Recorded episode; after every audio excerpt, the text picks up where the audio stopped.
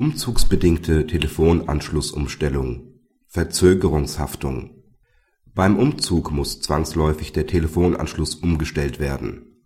Die Telefongesellschaft hat dieser Aufgabe schnellstmöglich nachzukommen, mindestens aber innerhalb eines ausreichenden Zeitrahmens.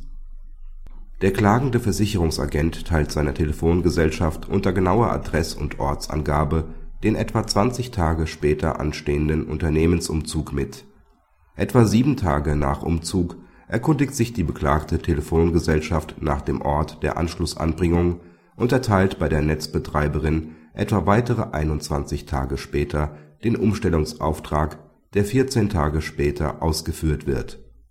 Der Kläger beziffert seinen Umsatzausfallschaden auf rund 14.000 Euro. Das LG Frankfurt am Main spricht ihm diesen Betrag zu.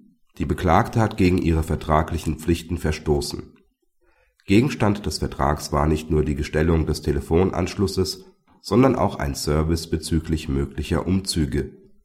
Gegen die sich daraus ergebenden Pflichten hat die Beklagte verstoßen, weil sie erst nach 25 Tagen die nach den Ausführungen eines Sachverständigen überflüssige Frage hinsichtlich des Ortes der Anschlussanbringung stellte.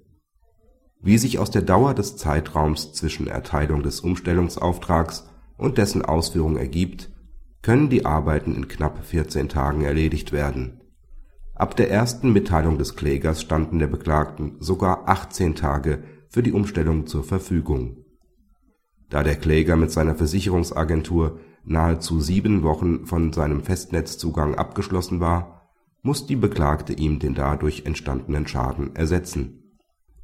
Praxishinweis Die Entscheidung zeigt, dass die Werbeaussagen von Telefongesellschaften auch eingehalten werden sollten. Die allgemein bekannte, teils lethargisch langsame Reaktion bzw. Gleichgültigkeit ihrer Mitarbeiter können daher im Ergebnis erhebliche finanzielle Folgen haben. Die Schadenshöhe ist nach oben, je nach betroffenem Gewerbe, nahezu unbegrenzt. Umziehende Unternehmer sollten jedenfalls alle Vorgänge im Zusammenhang mit der Umstellung des Telefonanschlusses aus Beweisgründen ausreichend dokumentieren. Letztlich kann der Kunde aber auch ohne eine vertragliche Umzugsklausel ein sofortiges Handeln erwarten. Er muss daher bestenfalls den üblichen Zeitrahmen hinnehmen.